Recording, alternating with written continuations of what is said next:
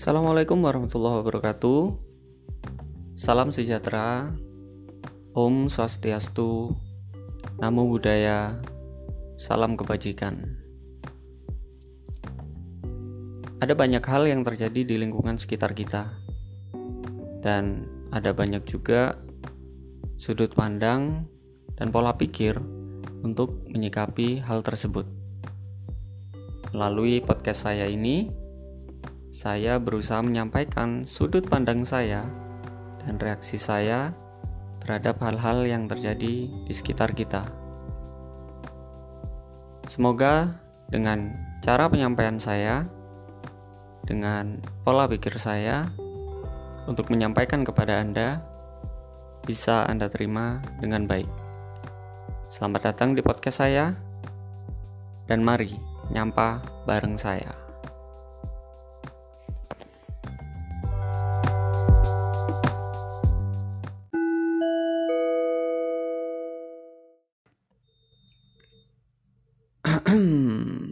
Oke, apa yang Anda pikirkan saat Anda mendengar kata corona?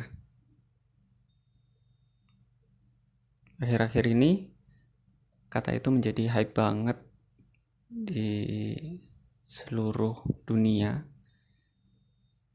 Uh, di negara-negara yang lain juga seperti di Italia segala macam itu uh, banyak sekali korbannya bahkan per hari itu bisa sampai ratusan orang yang meninggal di Indonesia eh, akhir-akhir uh, ini tepatnya seminggu kemarin pemerintah menyarankan kepada seluruh rakyat Indonesia untuk melakukan beberapa anjuran dari Badan Kesehatan juga dan dari riset-riset yang sudah dilakukan di negara-negara yang sudah mengalami adanya virus corona ini. Seperti yang ada di Cina, mereka melakukan lockdown, kemudian menganjurkan kepada seluruh rakyatnya melakukan kampanye stay at home. Dan itu juga diberlakukan di negara kita. Tapi masyarakat di negara kita ini tergolong santai ya orangnya. Karena dari anjuran pemerintah itu yang mengkampanyekan stay at home di awal-awal kemarin kita banyak lihat pemberitaan di media segala macam itu bahwa mereka atau masyarakat di Indonesia malah memanfaatkan anjuran untuk stay at home ini sebagai momen untuk liburan juga atau keluar dari rumah malah entah liburan ke pegunungan, ke pantai, atau ke objek-objek wisata yang lain. Sedangkan anjuran dari pemerintah ini ada maksudnya sebenarnya. Ada beberapa anjuran pemerintah yang diberikan. Antaranya yang pertama tadi adalah kampanye stay at home. Kemudian yang kedua sering cuci tangan yang ketiga ini opsional sebenarnya penggunaan masker. Kemudian yang paling heboh akhir-akhir ini adalah social distancing. Coba saya akan berusaha untuk uh, bedah satu-satu dari anjuran pemerintah ini. Sebenarnya apa sih manfaatnya? Apa sih gunanya? Kita mulai dari yang pertama untuk anjuran stay at home. Anjuran stay at home ini dimaksudkan agar masyarakat yang ada di Indonesia bisa menyesuaikan dengan siklus inkubasi dari virus corona selama 14 hari. Jadi, selama 14 hari tersebut disarankan untuk tetap eh, mengkarantina diri sendiri agar virus corona tersebut tidak menyebar. Kita nggak tahu loh. Kita adalah orang yang terpapar atau tidak, meskipun kita belum melakukan tes keterjangkitan virus corona itu pada diri kita sendiri. Bagi beberapa orang, mungkin ini adalah hal sepele karena nggak merasakan gejala-gejala ada penyakit di dalam tubuhnya. Tetapi sadarkah Anda jika Anda bisa saja berpotensi menjadi agen pembawa penyakit atau virus corona tersebut? Bagaimana alurnya? Anda setiap hari bertemu dengan orang yang berbeda-beda. Entah itu di kantor, entah itu di kuliah, entah itu di sekolah. Yang mungkin saja terjangkit virus corona tersebut. Pada saat Anda melakukan kontak dengan orang tersebut, virus ini bisa saja tidak langsung bisa menunjukkan tanda-tanda pada diri Anda. Semua tergantung pada sistem kekebalan tubuh atau sistem imun. Bisa saja virus ini hanya menempel di tubuh Anda, tetapi tidak menunjukkan tanda-tanda penyakit pada diri Anda. Nah, pada saat virus ini sudah menempel pada tubuh Anda, Anda otomatis berpotensi menjadi agen pembawa virus. Jika Anda tidak melakukan anjuran stay at home, Anda bertemu dan berkontak dengan orang-orang lain di luar sana yang memiliki daya tahan tubuh atau sistem imun rendah, maka virus ini akan cepat berkembang dan akan menunjukkan tanda-tanda penyakit pada orang tersebut. Inilah sebenarnya maksud dari pemerintah untuk uh, memberikan anjuran pada Anda melakukan kampanye stay at home. Minimal Anda melindungi diri Anda dari paparan virus corona di luar sana. Jika Anda memang belum terpapar, tetapi sisi yang lain, Anda bisa melindungi orang lain dengan tidak menyebarkan virus corona yang ada pada diri Anda yang secara tanpa sadar menempel pada diri Anda. Kemudian yang berikutnya yang kita bahas adalah cuci tangan.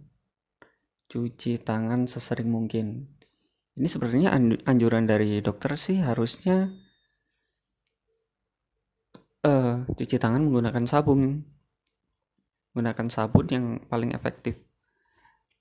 Karena proses cuci tangan menggunakan sabun Anda harus menggunakan air, terutama air yang mengalir. Ada beberapa keuntungan uh, cuci tangan menggunakan sabun daripada Anda mencuci tangan menggunakan hand sanitizer. Beberapa di antaranya yang saya ketahui, cuci tangan menggunakan sabun, otomatis Anda menggunakan air. Dan yang disarankan adalah menggunakan air yang mengalir. Keuntungannya adalah yang pertama, bakteri atau kuman itu setelah mati terbunuh oleh sabun cuci tangan Anda, maka dengan Anda mencuci tangan menggunakan air yang mengalir, sisa kuman atau bakteri yang mati itu akan terbuang terbawa bersama air. Selain itu juga air bersifat alami, jadi lebih cocok lah sama tubuh Anda masing-masing. Apakah ini efektif? Sebenarnya dari beberapa artikel yang saya temukan, antara bakteri, kuman, dan virus itu adalah organisme yang berbeda. Apa pun cara yang Anda gunakan, misalnya seperti cuci tangan, menggunakan sabun atau hand sanitizer, itu sebenarnya tidak membunuh virus, karena juga mereka adalah uh, organisme yang berbeda. Apa maksud dari cuci tangan ini? Cuci tangan ini bermaksud agar Anda bisa menjaga sistem imun atau sistem kekebalan tubuh Anda sendiri. Jadi, tidak ada potensi-potensi ada kuman atau ada bakteri yang masuk ke tubuh Anda sehingga sistem imun atau sistem kekebalan tubuh Anda terganggu. Misalnya ada e, bakteri E. coli misalnya yang menimbulkan diare sehingga sistem kekebalan tubuh Anda atau kesehatan Anda terganggu. Jika kesehatan Anda terganggu, maka virus corona ini akan lebih mudah masuk ke tubuh Anda. Itu adalah maksud dan tujuan mengapa Anda dianjurkan untuk cuci tangan sesering mungkin.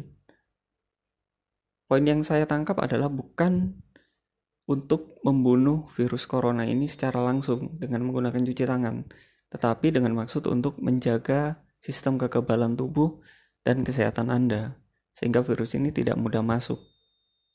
Seperti itu. Kemudian yang berikutnya adalah penggunaan masker.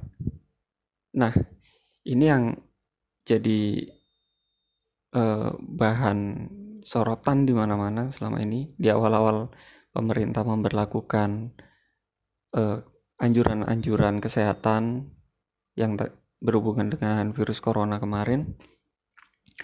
Ada panik buying nih. Entah itu pembelian hand sanitizer penggunaan masker.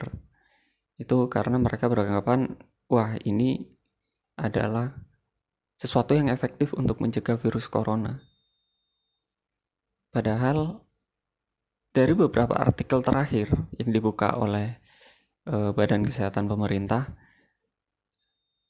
cuci tangan dan menggunakan masker ini, terutama penggunaan masker, itu hanya disarankan untuk yang sakit saja. Itu tujuannya apa?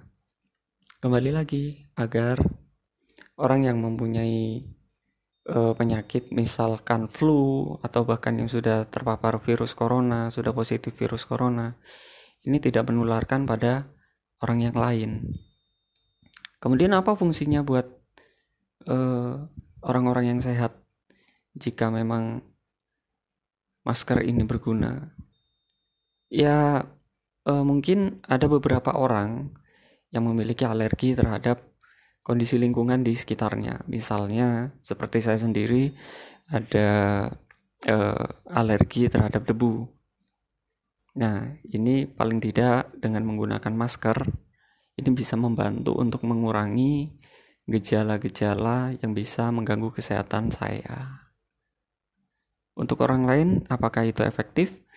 Itu semua kembali pada diri Anda masing-masing. Anda yang mengerti diri Anda, Anda yang mengerti batasan, Anda yang bisa memutuskan apa yang harus Anda lakukan. Selain daripada itu, jika memang tidak uh, terlampau perlu menggunakan masker, sebaiknya kita berikan kepada orang-orang yang lebih membutuhkan. Dalam konteks ini adalah orang-orang yang sakit atau memiliki gangguan gejala kesehatan. Kemudian untuk di area yang berpotensi tinggi terhadap polusi, ini sebenarnya bukan hanya pada saat ada virus corona saja disarankan menggunakan masker. Kemarin-kemarin pada saat belum ada virus corona pun sebenarnya teman-teman bisa mengukur diri sendiri jika memang butuh masker, silakan pakai. Tapi jika enggak, ya tidak usah. Karena penggunaan masker ini lebih disarankan kepada orang yang memiliki gangguan kesehatan agar tidak menularkan penyakitnya kepada orang yang lain. Kemudian yang terakhir, anjuran pemerintah adalah tentang social distancing atau istilahnya jaga jarak. Jika Anda tidak bisa melakukan anjuran pemerintah berupa stay at home, uh, karena anda mungkin ada uh, keharusan kewajiban yang menuntut anda untuk tetap beraktivitas di luar rumah paling tidak anda bisa menjaga tiga hal lain yang saya bahas di depan uh, sebelum social distancing ini mulai dari cuci tangan penggunaan masker jika perlu. Kemudian yang terakhir adalah social distancing. Maksud dari social distancing ini apa sih? Jaga jarak. Jaga jarak ini dimaksudkan adalah agar uh, kita tidak melakukan kontak langsung dengan orang lain. Karena seperti yang saya bahas di awal tadi kita tidak tahu siapa yang sudah membawa atau menjadi agen pembawa virus corona tersebut sehingga kita diharapkan untuk berhati-hati terhadap orang sekitar. Waspada boleh, panik jangan. Ada beberapa alternatif mungkin di kebudayaan Indonesia pada saat bertemu dengan orang yang lain kita terbiasa untuk uh, bersalaman misalnya di uh, beberapa budaya daerah itu menjadi sebuah keharusan. Dan ini dianjurkan oleh pemerintah untuk melakukan social distancing. Sebagai penggantinya disarankan tetap untuk bisa bertegur sapa tetapi dengan menggunakan metode yang lain. Misalnya ada salam dada atau dengan menyilangkan tangan di uh, depan dada atau bahkan menelungkupkan tangan di depan dada. Kalau teman-teman saya di sini bilangnya namaste ya. Itu salam yoga katanya. Katanya seperti itu. Saya juga belum uh, meneliti lebih lanjut tentang hubungan salam dada dengan uh, salam namaste dengan apa itu kepercayaan religius yang lain. Tapi yang jelas cara-cara itu dianjurkan oleh pemerintah untuk meminimalisir penyebaran virus corona yang sedang ada di negara kita ini. Apakah itu efektif? Ada sebagian teman saya yang bilang, "Ah, ini virus nih. Virus nih kan ciptaan Tuhan. Terus kenapa kita harus takut?" Ya, saya tidak menyalahkan jika ada teman-teman yang berpikiran seperti itu. Dan saya pribadi pun yakin bahwa semua makhluk di dunia ini diciptakan oleh Tuhan. Tetapi di dalam kepercayaan saya, dalam agama saya, untuk merubah sesuatu atau menjaga sesuatu itu ada beberapa tahapan yang saya ketahui dan saya pahami adalah yang pertama adalah ikhtiar atau berusaha. Kemudian yang kedua adalah berdoa. Yang ketiga adalah berserah diri. Nah, tahapan-tahapan ini adalah sebuah rangkaian. Jadi jangan dipisahkan perbagian gitu loh. Yang saya tangkap dari pola pikir teman-teman yang ada ini adalah belum melakukan usaha, boleh jadi sudah melakukan doa, sudah memohon kepada Tuhan Yang Maha Esa, tetapi tahu-tahu sudah ber, berserah diri nih. Berserah dirinya e, perwujudannya yaitu tadi udah e, menganggap bahwa ini makhluk ciptaan Tuhan nih, kenapa harus takut? Dah, oke, okay, virus corona memang ciptaan Tuhan. Sekarang analoginya sederhananya adalah singa itu juga ciptaan Tuhan loh. Terus kalau kamu berada satu kandang dengan singa, kira-kira kamu langsung berserah diri gitu? Apa nggak ada usaha untuk keluar dari kandang dulu? Gimana caranya bisa jauh dari singa misalnya? Itu karena apa? Karena kita tahu Singa itu binatang. Mereka eh, yang kita tahu ada potensi untuk mencelakai manusia. Jadi ada baiknya kita menjauhi singa tersebut. Nah, seperti itu analogi sederhananya. Tetapi saya juga tidak bisa memaksakan teman-teman bisa memiliki pola pikir yang sama dengan saya. Ya mungkin memiliki persepsi lain atau itu sekedar jokes, saya juga tidak tahu. Tapi yang jelas untuk teman-teman yang menganggap ini hal yang serius, saya harapkan bisa berpikir lebih jernih dengan siapa kita berbicara dan dalam konteks apa kita berbicara.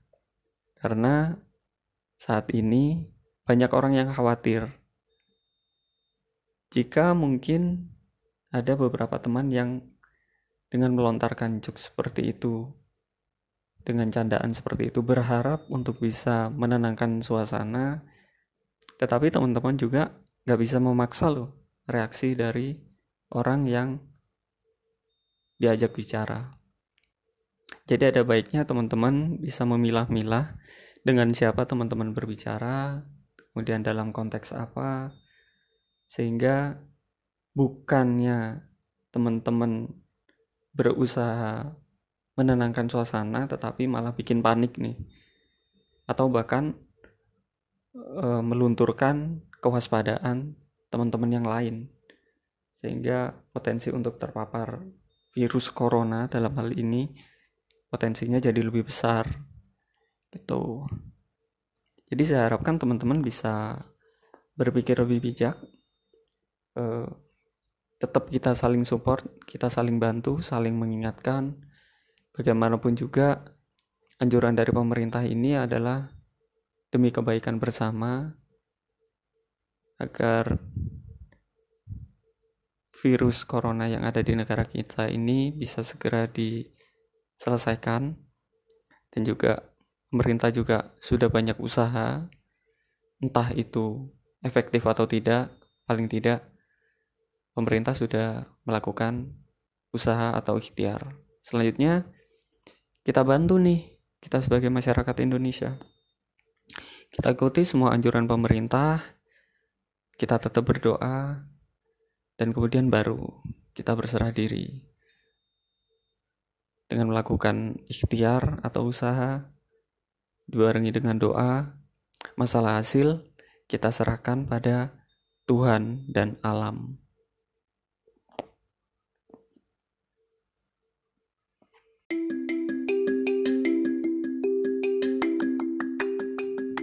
Terima kasih sudah mendengarkan podcast saya.